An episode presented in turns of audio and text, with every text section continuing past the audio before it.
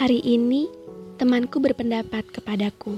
Katanya, tulisan-tulisanku lebih baik didengarkan oleh orang lain. Maka dari itu, aku membuat bayi cerita dengan berbagai pikiran dan berbagai perasaan. Aku harap bayi ceritaku membuat kamu tak merasa sendiri, merasa ditemani, dan membuat suasana hati menjadi lebih baik.